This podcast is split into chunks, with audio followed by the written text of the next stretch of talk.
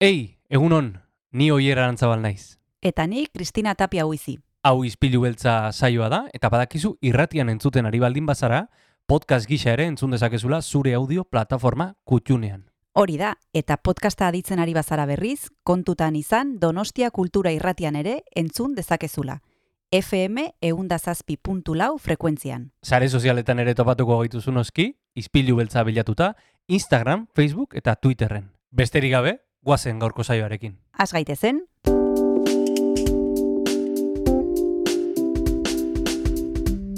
Ispilu beltza.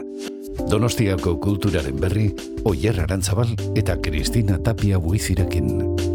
Egun honen zule, aprilak amazazpi ditu eta bigarren kafearekin ongi etorri emango diogu astelenari, hemen izpilu beltzean.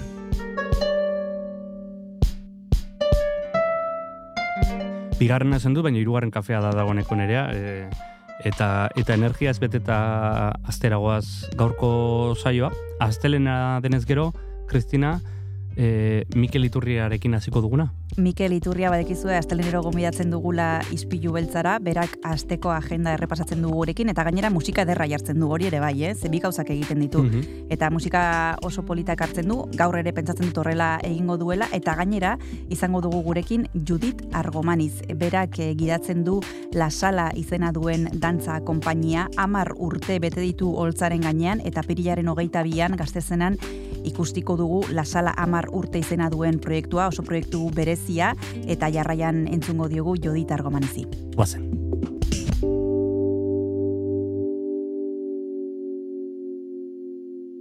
Egun honen zule, ongi etorri ispilu beltza irratsaiora, aspaldiko, eh? Aspaldiko, azken asteetan, eh, bueno, ba, kanpoan ibili naizelako eta eta ezin izan dudalako zuekin hemen ispilu beltza irratsaioa burutu, baina, tira, eh? Sekulako erreleboa izan dut, Jon Gartzia itzuli delako gurera, eta sekulako musika ze gozatzeko aukera izan dugu, eh? Saio honetan.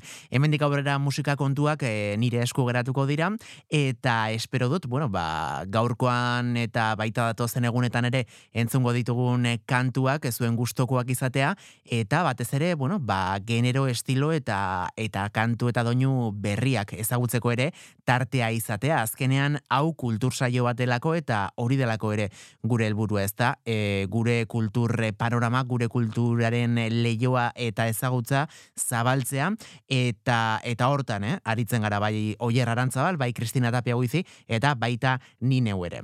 Gaurkoan astelen eh, berezi honetan Eider Saez artista Lazkaotarraren, eh, bueno, ba album berriaren em, single kantu entzungo dugu. Badakizue Eider eh, bera, e, nogen taldean, talde donostiarrean urte askotan zehar abeslari izandako artista dela, eta orain, e, bueno, ba, bakarkako ibilbide hartzea erabaki du, eta duela astetxo gutxi bere lehenengo albuma kaleratu zuen, loratzen du izena, eta bertako kantarik ezagunena momentuz behintzat entzuteko tartea hartuko dugu jarraian. Elkarrekin gaudenean.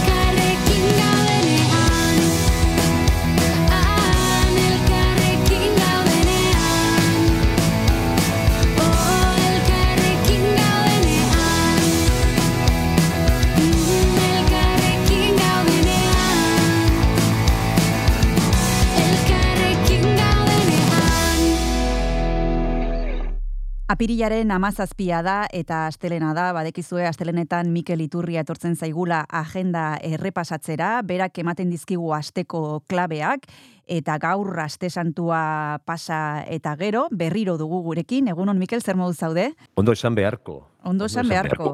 Oa, hotx horrek, Bai, eh, zer esan nahi du. Mikel? Marranta eta COVID eh, pasatzen nahi naizela eta holako gauzak. Bueno, bueno, nahi bueno, hori eh, ba, esaten dute batzuk ja ez dela existitzen, Mikel. Bueno, per- proba egiten ez duelako jende. e, uste zaidu da lehenengoa. Ordu nik eh, vanguardia utzi detor jendea aurretikan joan zedila eta ni, ba, guantxe, Mutiko azkarra. Ez dakit azkarra, baina, bueno, igual eh, oso ausarta ez. Bueno, bueno. Gaur esan bezala asteko agenda errepasatuko dugu Mikel beti bezala, egunotan e, ba, esplikatu genuen aurrekoan aste santua dela eta egin genuen olako laburpentxo bat e, zera aurreko saioan eta ja nik uste dut normaltasura normaltasunera itzuliko garela. E, eta igual hasiko gara beti bezala e, antzerkiarekin Mikel, e, ze gauza apuntatuko ditugu agendan? Bueno, antzerkian ez daukagu gauza askorik, Mhm. daukagu antzeslan bakarra, Bai. kasu honetan gaztelaniazko antzezki, antzerki amater bada, ostiralean, Lugariz kulturetxean izango deguna, e, Margaritas con sabor a pólvora, piskola biztaldea, Alazne Etxeberriaren zuzendaritzapean eta obra ba Humberto Roblesena da. Mhm. Eta hau da antzerkia eta agian egingo dugu salto dantza, dantza mundura. Ederki, ba, guazen, zer izango ditugu, ze gauza izango ditugu antzerkian? Bueno, ba, lehenengo eta bin larun batean, hilako eta bi, egiako gaztestenan, ospatuko ditugu amar urte, beteko dituela edo betetzen ari dela La Sala konpainia. Bai, Judith Argomanizek zuzentzen duen dantza garaik edoko konpainia, eta Mhm. ikuskizun honetan, ba, bere piezarik potoloenak, ezagunenak, emblematikoenak edo bilduko ditu. mhm, Larun batean, lugaritzen e, flamenkora joango gea, Soledad Ruz eta konpainia, Bai. al otro lado del duende eta flamenka de sal.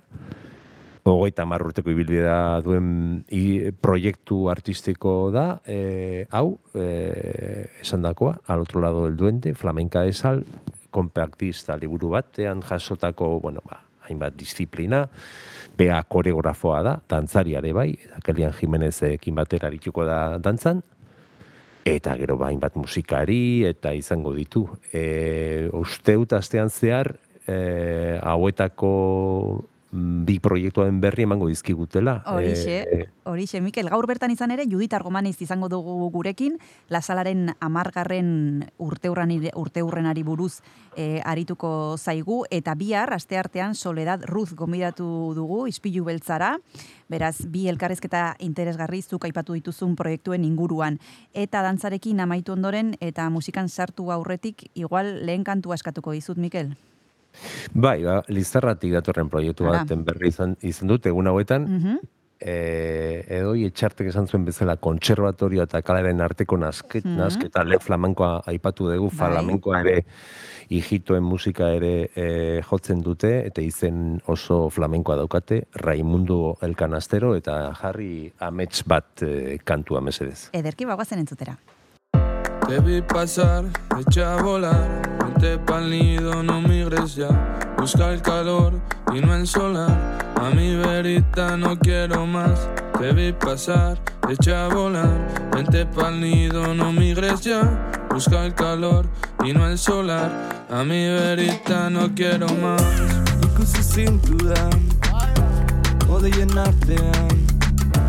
Egalekin genuen fabriketako ke fabriketako kertian Ikusi zintudan, egia otu zan. Tripi bat janduten amets bat da Amets bat, izan nu. Tripizko amets bat. Zure galetan babesturi Maitasuna eskainiz Argitasunarekin ikasi nu. Amet egiten Intasunarekin Aikatzen Zure Ebalen artean pasar, echa a volar. Ponte pa'l nido, no migres ya. Busca el calor y no el solar. A mi verita no quiero más. Te vi pasar, echa a volar. Vente pa'l nido, no migres ya. Busca el calor y no el solar. A mi verita no quiero más. Betirako Lokatu zara Zure ametsa Izan egenu Intasuneko Dudurezea Amets bat Izan nu Tripizko Amets bat Zure galetan Babesturi Baitasuna Eskaini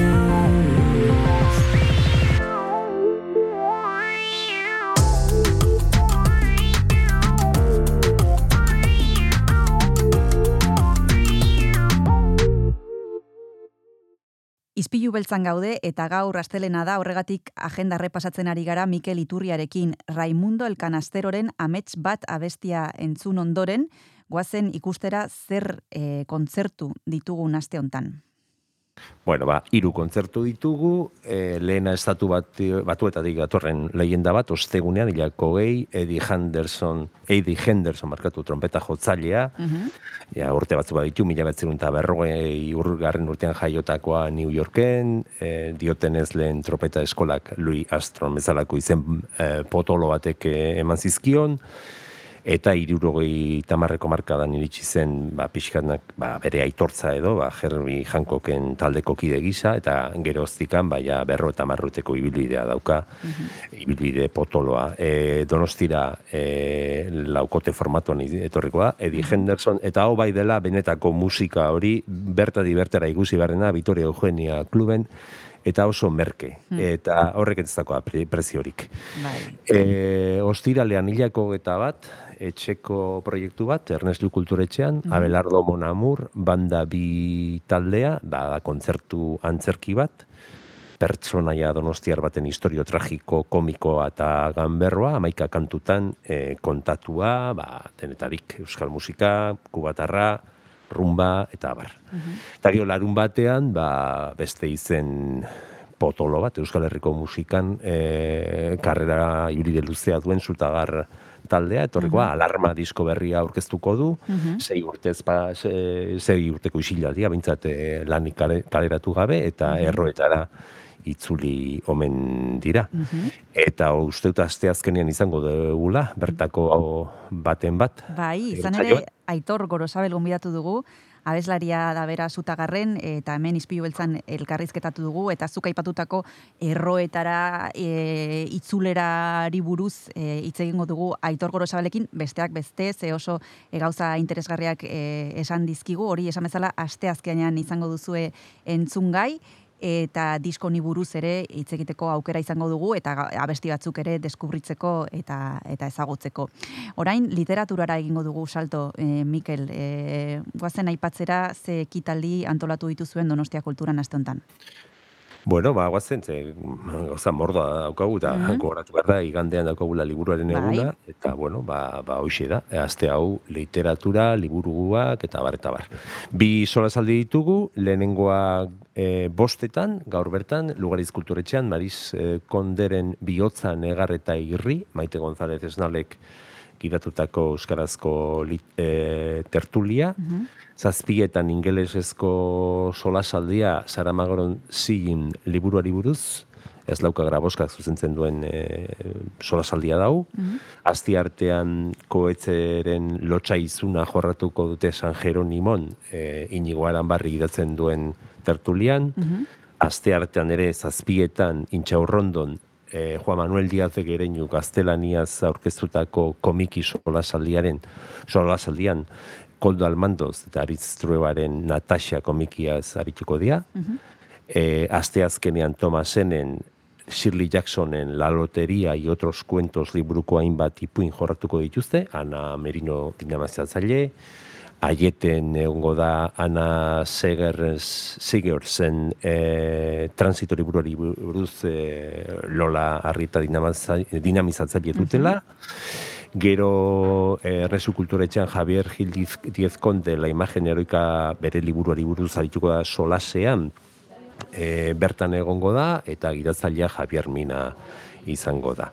Aste azkenean egian Walter Tevisen Sinsonte liburuari buruz, hau da zientzia fikziozko literatur solasaldia, JL Diaz eh, da gidari, eta esan bezala, igandean, apirilako eta iru, liburuaren eguna, eta az- gogoratu, Gipuzkoa plazan daukagula zita nagusia, Donostia Kulturak liburu den den elkarten horrekin batera antolatutako liburu azoka, e, goizeko behatziak eta laurdenetatik zortziterdia kaldera, goizka iluntzeko zortziterdiak arte, foru aldundiko arkupetan, amabi estan, Donostia Kulturak informazio gune bat eh, jarriko du bertan, eta badago e, bueno, horri markatzaileak egongo dira, Sandra Garaioarenak, astean zehar egongo da e, prentxaurreko bat, e, eta horren berri emango da. Nik aipatuko dut besteak beste, egongo dala, e, guk ondo ezagutzen dugun pertsona bat, Oier Arantzabal, e, Eider Rodríguez elkarrizketatuko du, Bai, e, esan bezala igandean eguerdiko amabietan, bai. E, apirila da, espero ezagun euririk ez egitea, eta bakizu, ba, e, iderren azken liburua, euskeraz erikuntzerako materiala, Bai. eta gaztelania zere atera dena, material de construcción, Bai, ba, nahiko aipatua eta gure aipatua izan da, bai. Eta, bueno, beste hainbat gauza ere badaude, baino luze joko luke, jendeari eskatuko diot, ba, mesedez joan dadila, donostiakultura.eusea, e, liburutegien atalea edo literatura atalea eta hortxe daukagu e, zein izango den aste guztiko e, zea. E, aste guztiko ez, kasu honetan igandeko Bai. e, proposame, proposamenak. Bai, bai. Ze gauza mordoa daude e, egun horretan eta komeni da e, ongi begiratzea seguru nago e, entzule aurkituko duzula zerbait interesgarria zuretzako guk hemen gauza batzuk aipatu ditugu, baino egia da e, liburuaren eguna ospatzeko e, ekitaldi mordoa antolatu dituztela Donostia Kulturan. Bai, bai, gero ipatuko ditugu aurren e, atalean e, aurren hiru ekitaldi, Mm. baina orain musika pixarra jarriko dugu berriro ere, e, Natalia Lafourcaderen El lugar correcto, El lugar correcto izeneko kantua adibidez. Ederki bagoazen entzutera Natalia Lafourcaderen abesti hau.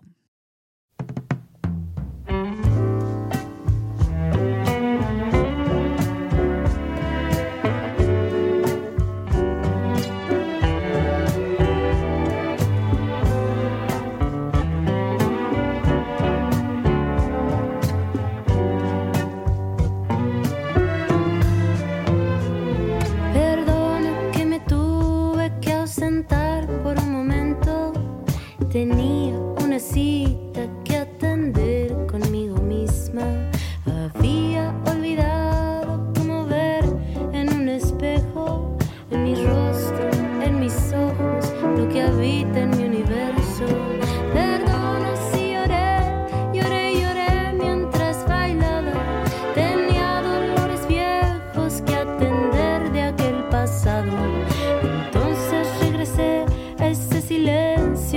Necesario para escuchar el corazón hablar de la verdad, de la verdad que son esos atardeceres, de la verdad que brilla en el tiempo presente, de la verdad que hay en aquellas simples cosas como respirar.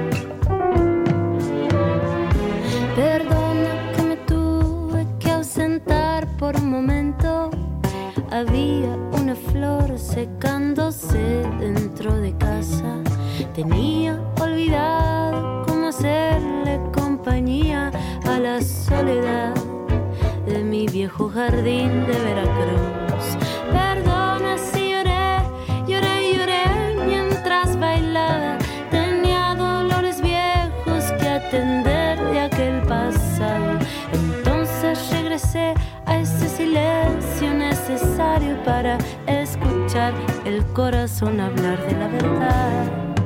Y el lugar correcto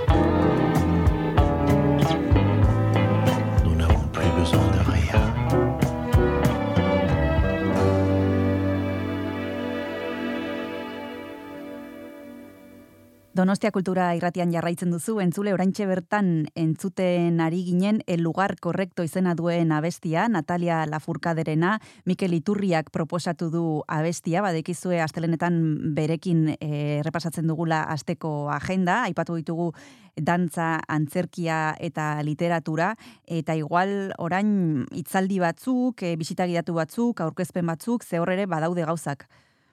Bai, ingo dugu popurri bat. Zer iruditzen zaizu? Miscelanea. Hori da, miscelánea, hori, posu, izen polita.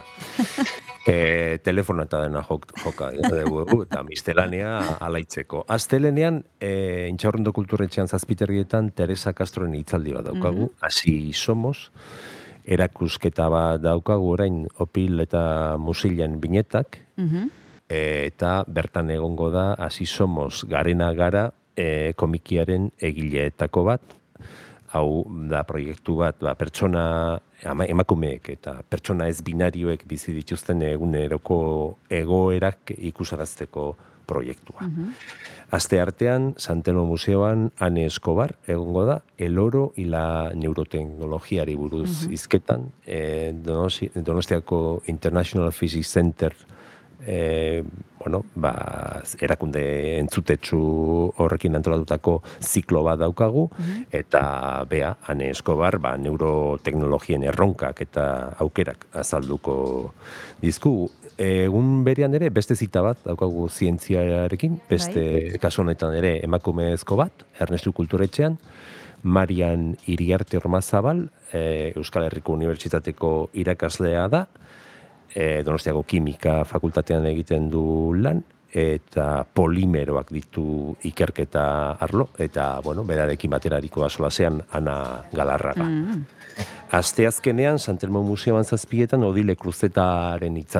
Laro, geite, laro marreko amarka da hain ederra izan altzen, ba, bakizue, orain Santelmon daukagula laro mar berriak erakusketa bat, e, horrekin loturiko hitzaldia izango da, Odile Kruzetaren, ba, bueno, ba, kazetariaren bizitza profesionala edo, zatirik handiena ITB-en egin du, jubilatu zen ja 2019an, e, bueno, pues, amarka da hori, ba, indartsua, dinamikoa, eta, bueno, ez dakit ze perspektiba emango digu, baina, bueno, hor dakogu aukera polita Odile Kruzetaren e, e, zea, itzaldi hau entzuteko. Ostegunean serio jarriko gea, Santelmon serioago, Bai. e, e, giza eskubideak Afganistanen. Bai. E, bertan izan dako, ez dakit, epaile izango den orain, e, ona etorri baldin bada ez da izango orain epaile, baina epailea da, naizam, e, nazima nezrabi, epaile Afg- e, afganiarra, giza eskubideen ikastaroa, e, Euskal Herriko Unibertsitatearekin batera antolatzen den e, zita bat da, eta, bueno, ba, badakigu zein den Afganistanengo egoera, eta komeni zaigu bertatik e, bertara ba, entzutea. E, Euskarako eta gaztelaniako itzulpena egongo da. Ostiralean liburu orkezpendak e, Santelmon, e, kasu honetan historia garaikideko departamentuak antolatutakoa, EHUko historia departamentu hau, Manuel Irujo, Cristiano, Demokrata, Ibasko. Akizue, beha izan zala Larro Caballero eta Juan Negrin e, gobernuetako Errepublika Garaiko Justizia Ministro, eta Patxi Agirre gilarekin batera, e, Donostiako alkate hoia izan dako Xaber Ulbiar Albiztur, eta EHUko katedraduna dan Santiago de Pablo. E, giza eskubideen zinemaldiaren berri emango digu, ostegunean Josemi Beltranek, Hori da. irratza- irratsaioan, Hori da. e, ba- baina nik aipatu nahi dut Carmen Castillo Bai, giratutako bai. bizita izango dugula Bai. larun batean.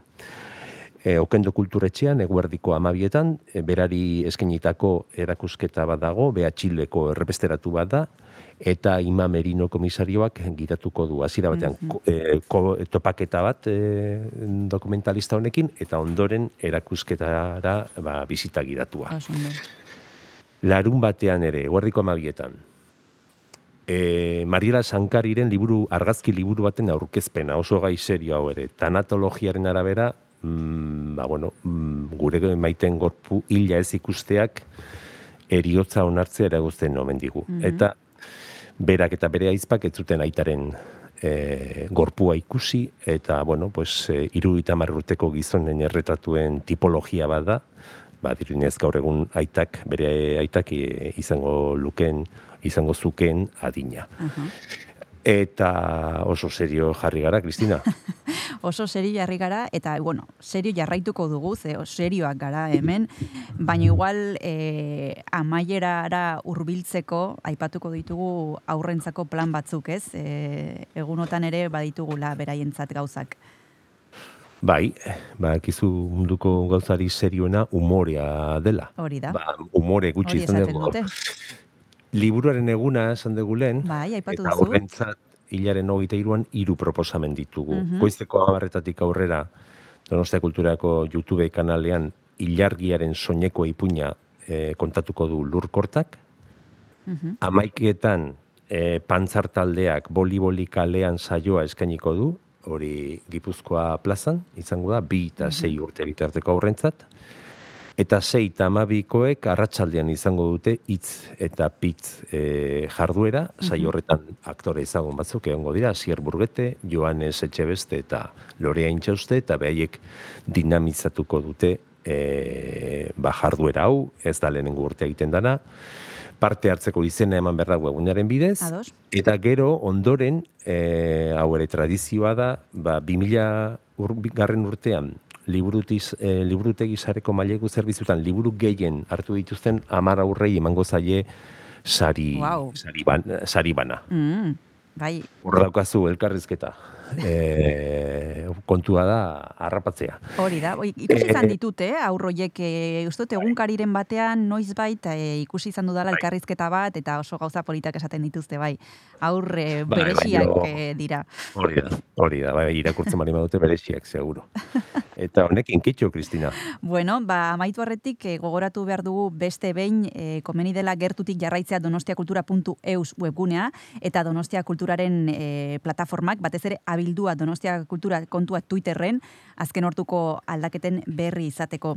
Esan bezala, amaitu dugu beraz, e, asteko agendaren errepasoa, baina gaur, Mikel, agur esan aurretik, beti bezala, abesti bat e, eskatu behar dizut, e, ze proposatuko duzu? Ba, gaur eh, oso bukaera pertsonala ingo dut. Vale. Eh, bueno, pertsonala beti izaten da, baina mm, bueno, gaur jone una nueren urte betezea da. Aha. Oker ezpanago berroita masei urte ingo ditu. Aha, Ostegunean irurogei urte ingo ditu Fermin Muguruzak. bueno. Eta buelta batzuk eman dizkio ze kanta jarri erabakitzeko eta negu gaurriaken aizu aukeratu dut. E, beren semea jaiortzea hartzela lagun bat eriotza bidan zen, iesatzela et, eta Aha. etzela, ez? E, ola esan da, badiru kanta mm, oso tristea dela, ba niri bizipoza pizten dit. Mhm. Orduan, zorionak bioi eta karpe dien. Eta gero, beste alde batea, e, irungo pepeko zinogotzi den inigo manrikeri ere eskaini nahi dio kantua. Ze duela egun gutxi enteratu naiz, bera publikoeki esan duelako Parkinson gaitza duela. E, ez da gauza berria, ze duela urte asko atzeman zioten, eta kontrolpean du. Animo berari ere, inigori, eta joa jo esango diogu, aizu kanta hau e, jarriz entzule guztiei. Bueno, ba, negu gorriaken e, kantu honekin, agur esango diogu Mikel Iturriari datorren astera arte, eskerrik asko, beste behin izpilu beltzara hurbiltzeagatik, bezarka handi bat. Aio, aio.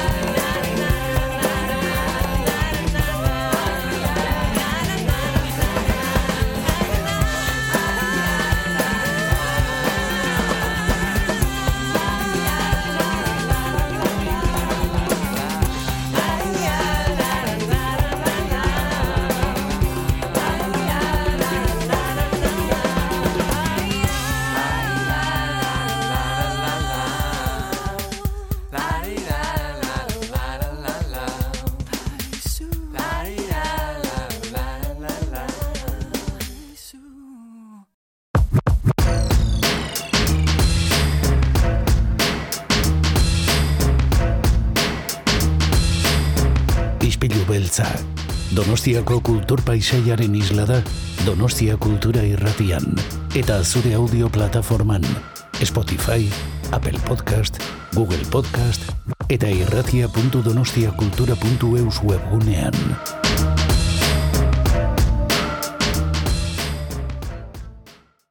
Gaur, dantzari buruz hitz egingo dugu hemen izpilu beltzan, ikuskizun oso berezia disfrutatzeko aukera izango dugu apirilaren hogeita bian gazterzenan lasala amar urte izena du eta horregatik konpainiaren arduraduna Judit Argomaniz gonbidatu dugu Donostia Kultura Irratira. Egunon Judit, zer modu zaude? Egunon, ba, osando, osando, eskerrik Bueno. asko deitegatik. Esan bezala, e, proposatutakoa oso gauza beresia da, e, lasala amar urte, zer prestatu duzu, ze ikusteko aukera izango dugu bertan Judit? Beitu ba, bueno, amar urteko bidaia izango da, ez? Mhm. e, pieza emblematikoak edo edo piezen zati eragarkarrienak e, aukeratu ditut. Errepaso polita izango da, e, amar urte hortatik ez. Mhm. E, eta bueno, ba, hau dator egia esan, e, ba, bizitza ospatu behar e, delako, osasuna ospatu behar delako. E, ni oso, oso, oso, oso fan naiz e, momentuak os, e, ospatzeko eta Mhm. oso polita iruditzen zait hori, eta hamar urte hauek ba, e, nire ustez ospatu behar dila, zeren nahiko zaila da mantentzea e, hamar urte ba, ba, ba dantza e, konpainia batean, ez? Mm. Osea, nahiko zaila. Mhm. Eta hori, Gero, hitz egingo dugu nola izan diren e, amar e, urte hoien inguruan, baina esan duzu Judit, hartu dituzula lanontarako zure pieza edo pieza hoien e, tarte garrantzitsuenak edo esanguratsuenak. Nola izan da e, lan egiteko e, prozesu hau justu lan hontan nun aukeratu behar izan duzun e, ba, zure umetxoen artean e, zatiak eta ezakit e, hori mingarria egin zaizun edo edo edo alderantziz e, ez zaizun kostatu erabakitzea hau bai eta hau ez Ba, argi eta garbi neukan, eh? Egia esan, osea, no, ez duk esan dezun bezala, ba, nire semetxoa dira, eh? Hmm. Eta ez, egia esan ez eh, kostatu aukeratzea, eh, zati hoiek edo, Hmm. badaude pieza, eh, eh, pieza, eh, nola, eh, nola esan, como pieza guztiak, osea, pieza motza adibidez lehenengoa osoa dago, eh? Hmm. baina gero ta, e, zati hoiek ez, osea nahiko argi eta garbi nezkan, ez. Eta mm, eta bueno, ba prozesua egia esan pixka desberdina izan da, Mhm. e, ba, dantzarien disponibilitatearen arabera pixkat izan da, ez? E, Aha. batzuk e, kanpotik datoz, Bai. Eta dena kuadratu behar izan zan, orduan, bueno, ba, batzukin aste batean egin dugu lan, beste batzukin be, e, urrengo astean, horra, horrela, da- dano kuadratzen, bakizu. Normalian e, pieza berri batekin dena sartzen gea bi hilabete, hiru hilabete dantza gelan, Mm. eta dena gaude, baina, bueno, ba, ba justo espektakulo honekin, ba, pixa desberdina egin dugu. Mm. Baina nahiko ondo.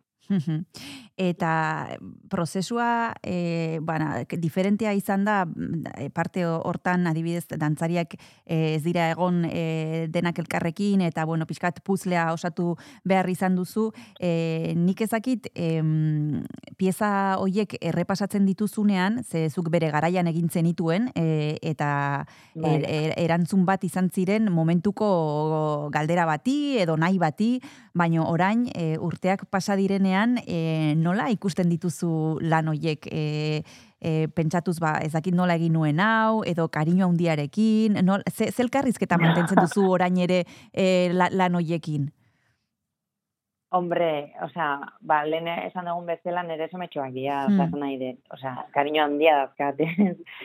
eh, em, bueno, osea, igual orain ez nuke gauza berdinak egingo, Hmm. ez? Adibidez, lehenengo pieza hooked, ba, eh, guztiz eh, desberdina izango zen, Hmm. baina manten, eh, mantendu dugu horrela, originala Hmm. mantendu dugu, eh? Hmm. Osea, batez ere publikoak ere ikusteko eh, lasalaren ibilbidea, ez? Eta Mm. hori da politena. Mhm. Ba, ongi iruditzen baldin bazaizu hitz egingo dugu orain e, La Sala proiektuaren inguruan, hamar urte betetzen dituelako eta hoiek ospatzeko e, ikuskizun beresi bat prestatu duzue gaztezenan disfrutatzeko aukera izango duguna, baino tartetxo bat hartu behar dugu Judit eta segituan itzuliko gara zurekin hitz egiteko. Ao arraro, ao zaila, ao zarrepai Zenbat lotxa, zenbat min, itz deslai Ditunak da ez ditunak esan nahi Ezinak batzuk astuak ere bai, ere bai. Ez omen da gai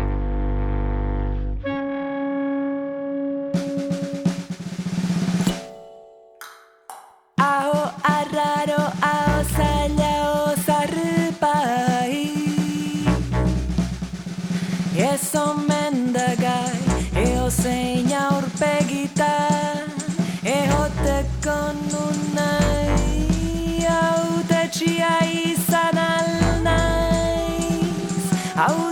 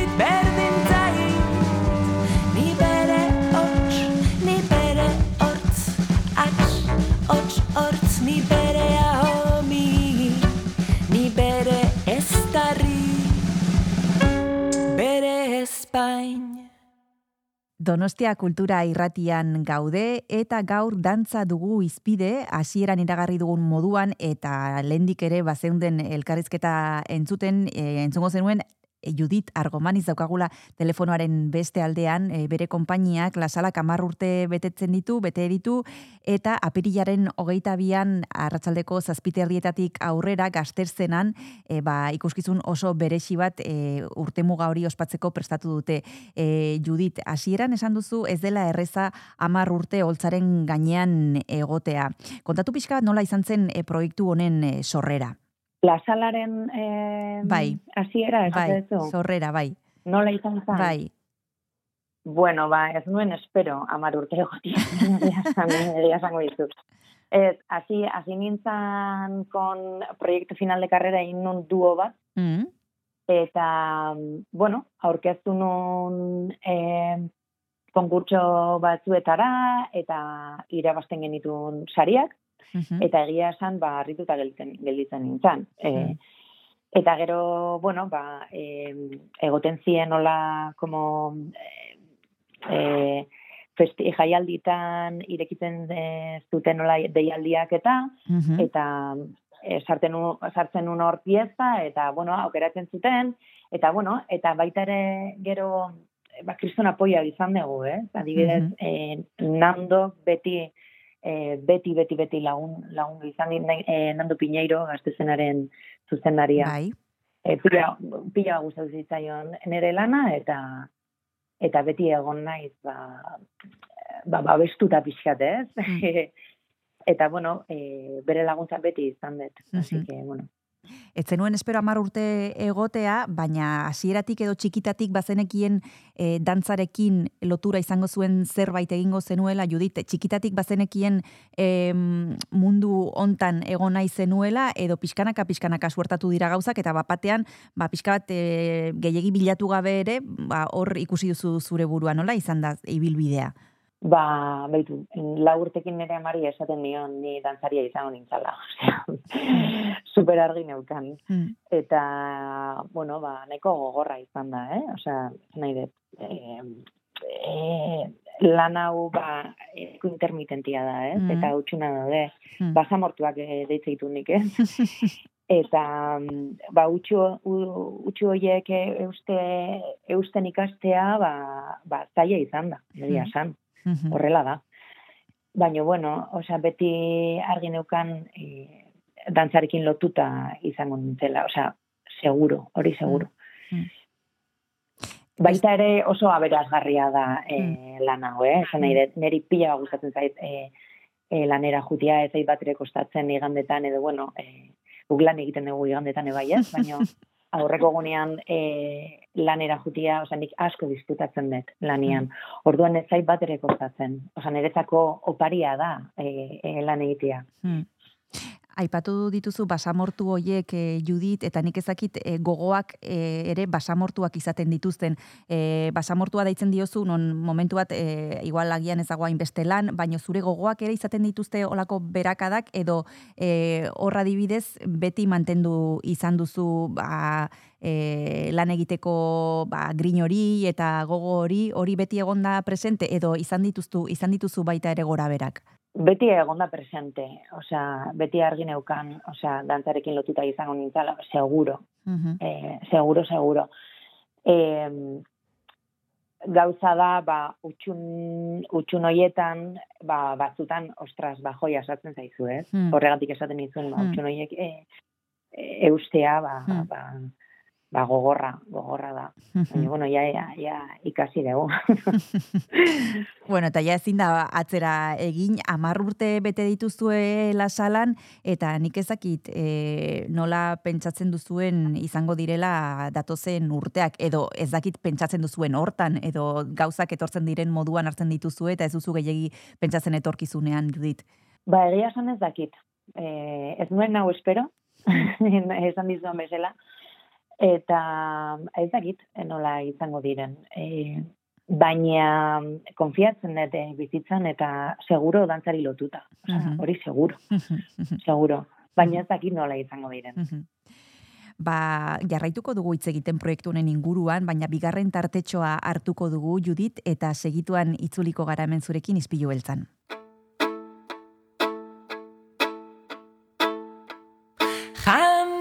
Jantzisa zugona Tantzu naizia gorazpin dihona Jantzisa zugona Zapaldu ibili esten bidia. Garraskatu zure hortzak. Neri entokian igo trapuzko zaldi basatira Ez izan bildurtia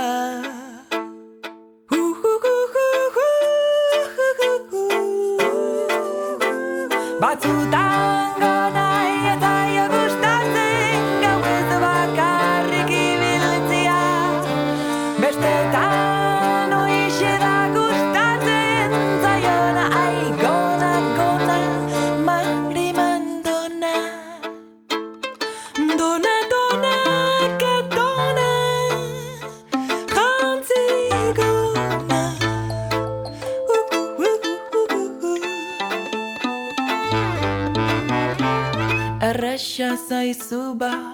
nerian ertza altxatzia, ai, nere grina epaitzia, gerriak entzia, dakiten gutxia, kuskuseatzia, nitaz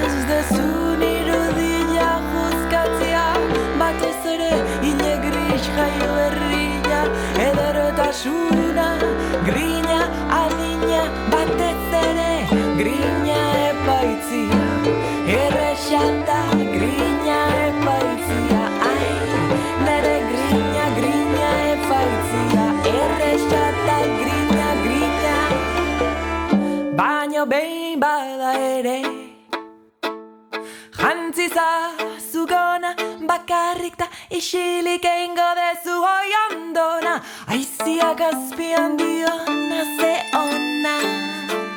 Aigona Mari Mandona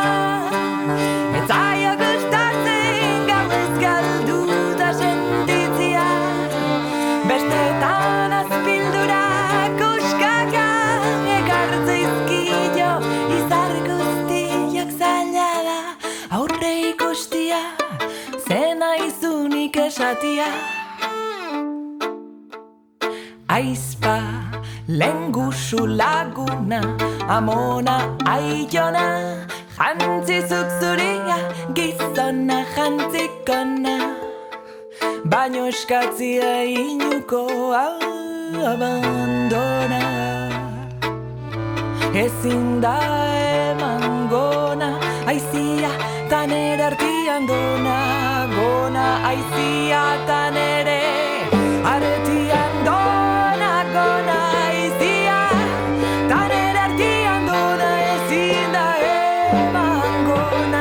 gona Aizia tan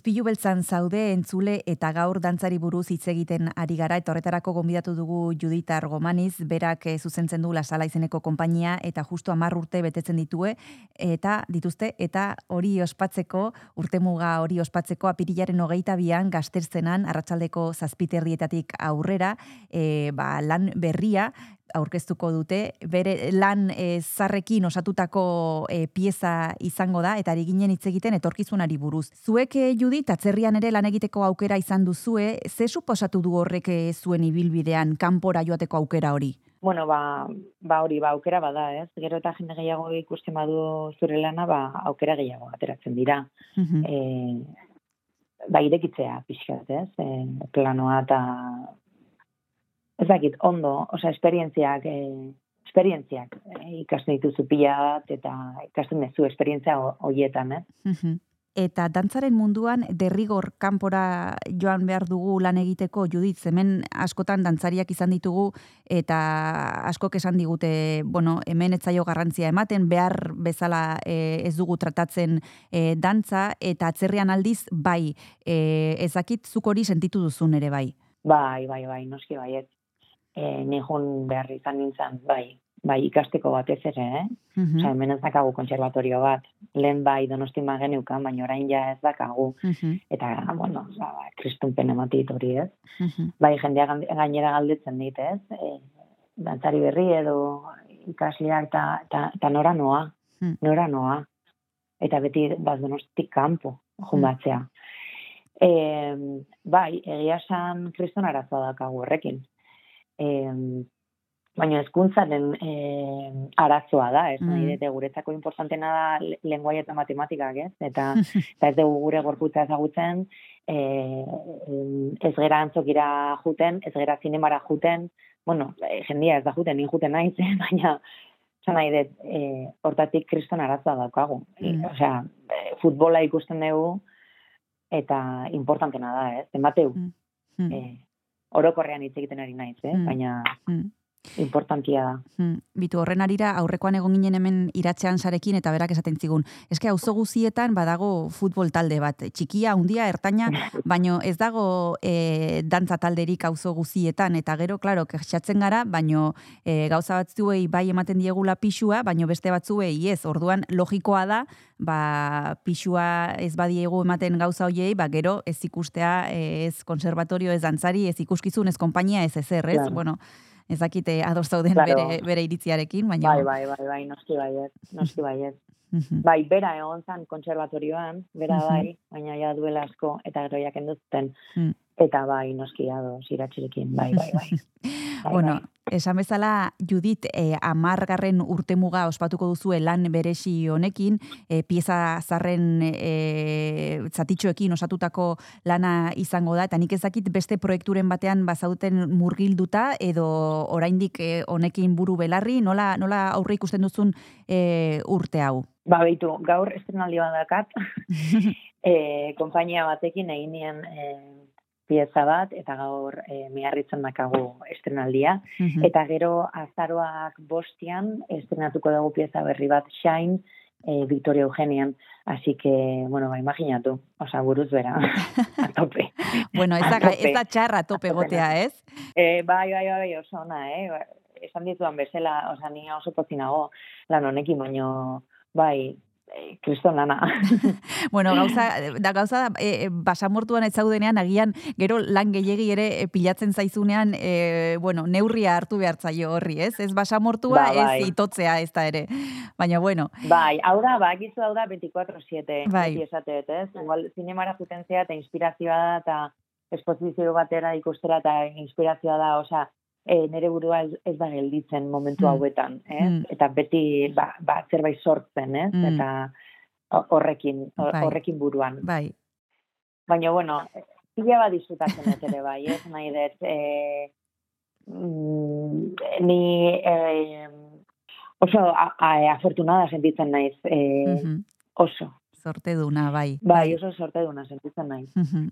Bai, eta gero kulturaren munduan ere gertatzen da beste gauza bat, eta da beti esaten diozula bai e, etortzen zaizkizun lan guziei, ze gero ez dakizu noiz izango duzun aukera berriro ere zerbait egiteko, eta orduan batzuetan justo hor enbutu e, pixka bat dago, eta bueno, hori ere horrela izaten da, baina bueno, e, hartu behar dira gauzak etortzen diren moduan, esan bezala e, Judith Argomanizek e, lan mordoa izango du 2008 irugarren urtean, e, guk La Sala amar urte proiektua disfrutatzeko aukera izango dugu datorren apirilaren hogeita bian, gero beste gauza batzuk ere e, aurkeztuko ditu, donostian esan bezala Victoria Joanean tzokian, hoien berri emango dugu hemen dis- Donostia Kultura irratian, eta esan behar diogu Juditik eskerrik asko izpilu elzara urbiltzeagatik, e, zorte hon, eta hurrengora arte bezarkada bat Judit. Mi esker, mi esker zuei. Agur.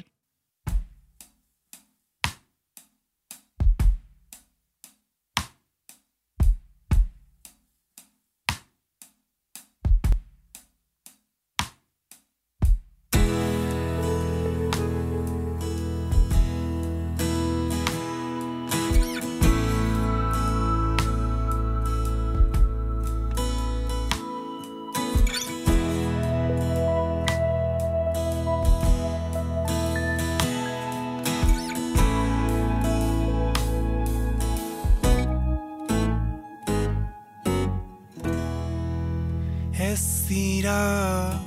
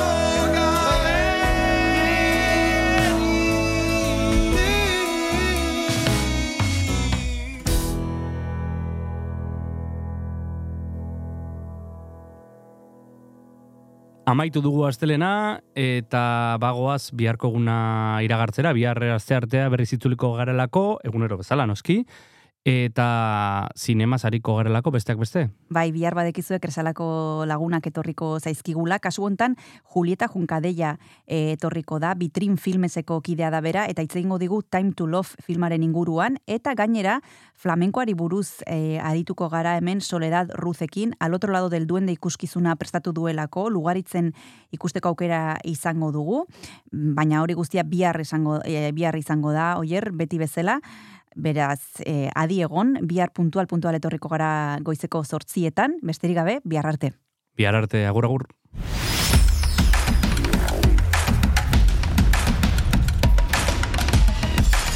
Donostia Kultura Irratia.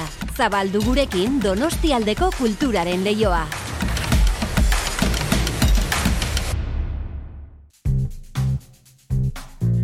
Kanta katilua.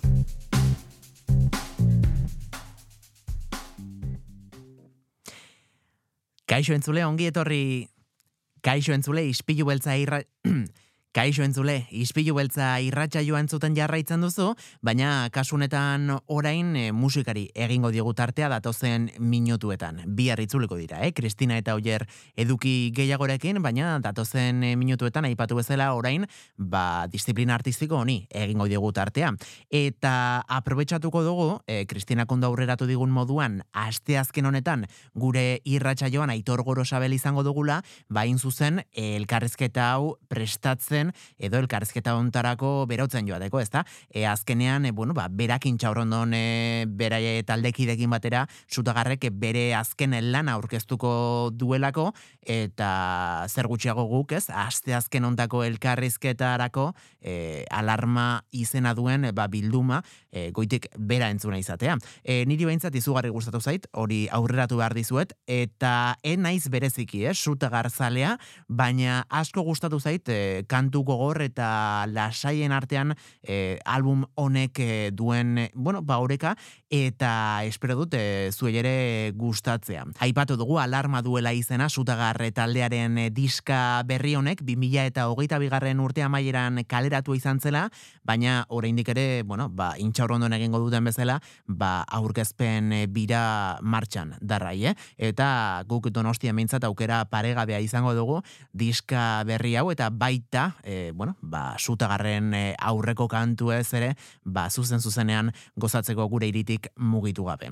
Mila bederatzireun eta laurogeita zazpigarren urtean sortu zen sutagar taldea, talde metaleroa, trash metal, heavy metal, speed metal eta, bueno, ba, metal, bueno, subgenero asko jorratzen dituen talde hau, eta, bueno, ba, noski, hainbeste urteetan zehar, eh, musikari asko igaro dira holtza gainetik eh, talde hau osatuaz, eh, baina gaur egun, eta konkretuki, bueno, ba, alarma eh, bilduma sortu duten artistak, Aitor Gorosabel, Xabi Bastida, Igor Diez, eta Galder Arrillaga dira. Eta gehiago luzatu gabe, mm, orain izpilu beltza irratsaioan iruditzen bazaizue, ba, alarma bildumako lehenengo kantarekin hasiko dugu, bueno, ba, ibilbidea, eta esango nuke, ausartuko nintzateke esatera, ba, kasu honetan kantu honek ematen diola izena diskari, alarma egoera duelako lehenengoak izena.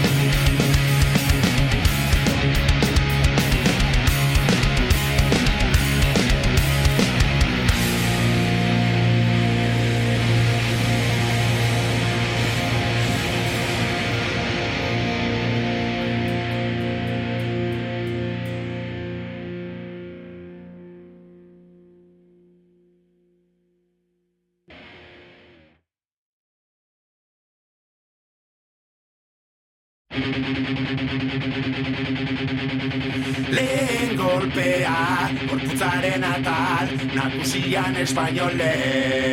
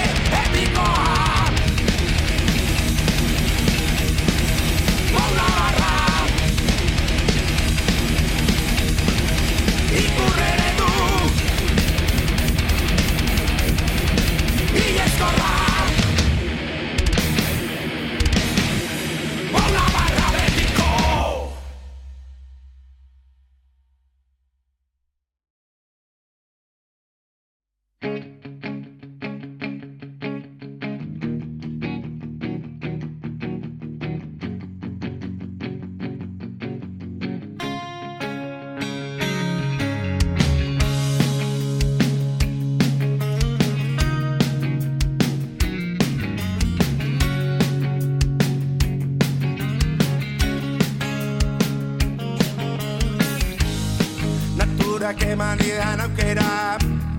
Ez nuke nahi alferrik altzerik Saiatu behar dut aprobetxatzen.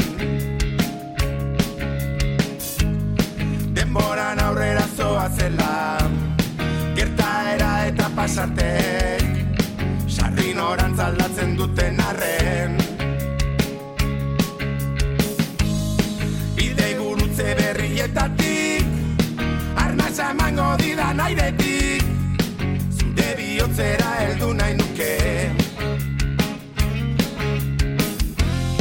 Hainba gauza utzirik atzean Eta hemen zauden bitartean. Baitan azazu ostera ere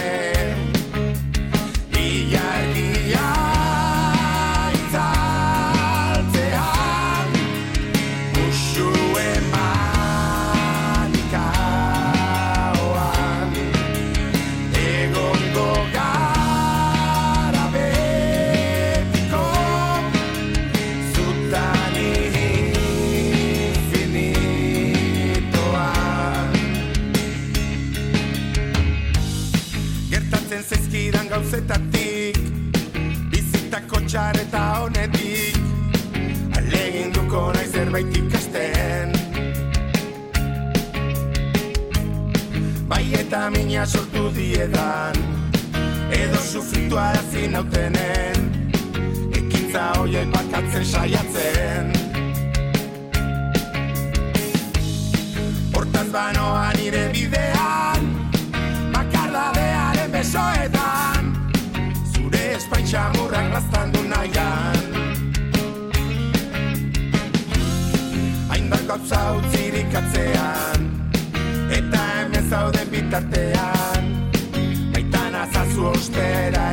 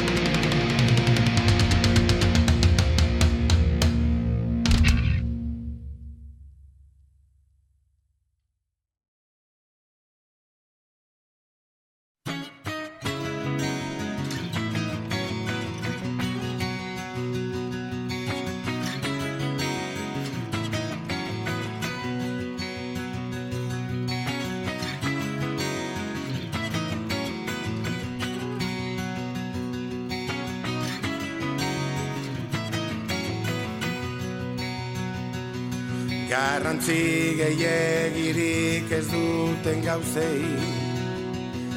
Eten gabe begira egotea Erreza beharko lukena zaia eginik. Ilusioa itzaltzen sentitzea. Zurrumbiloak inenstea nahi zaitu Ametxak lausotzen zaizkizulari. Norzaren ere askotan azten duzu. Aurrera egiteko ez baduzu indarrik irrifar bat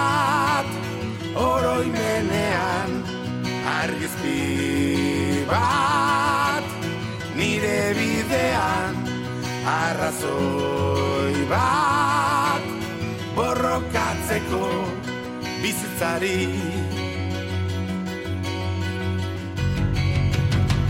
Aurre egiteko.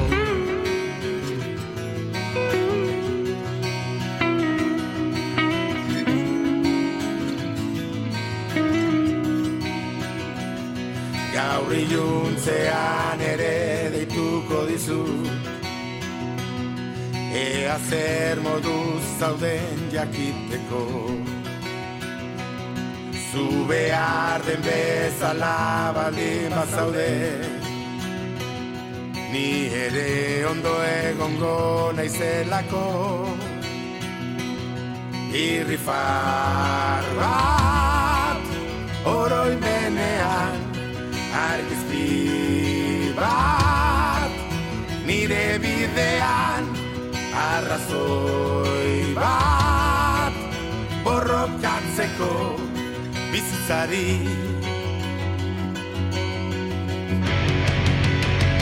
Aurre egiteko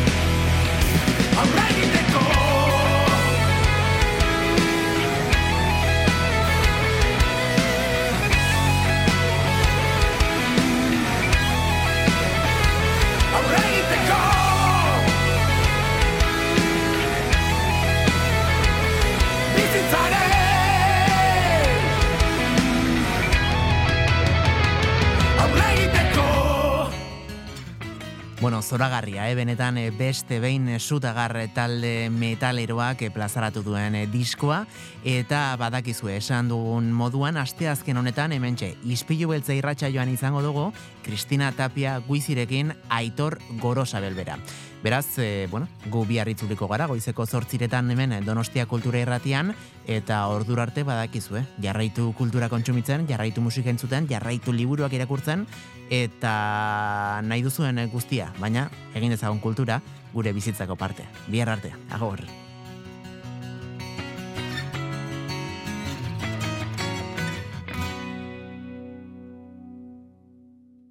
Ispilu beltza podcasta entzungai duzu irratia.donostiakultura.eus webgunean, Spotify, Apple Podcasten, Google Podcasten edo zure audio plataforma kutxunenean.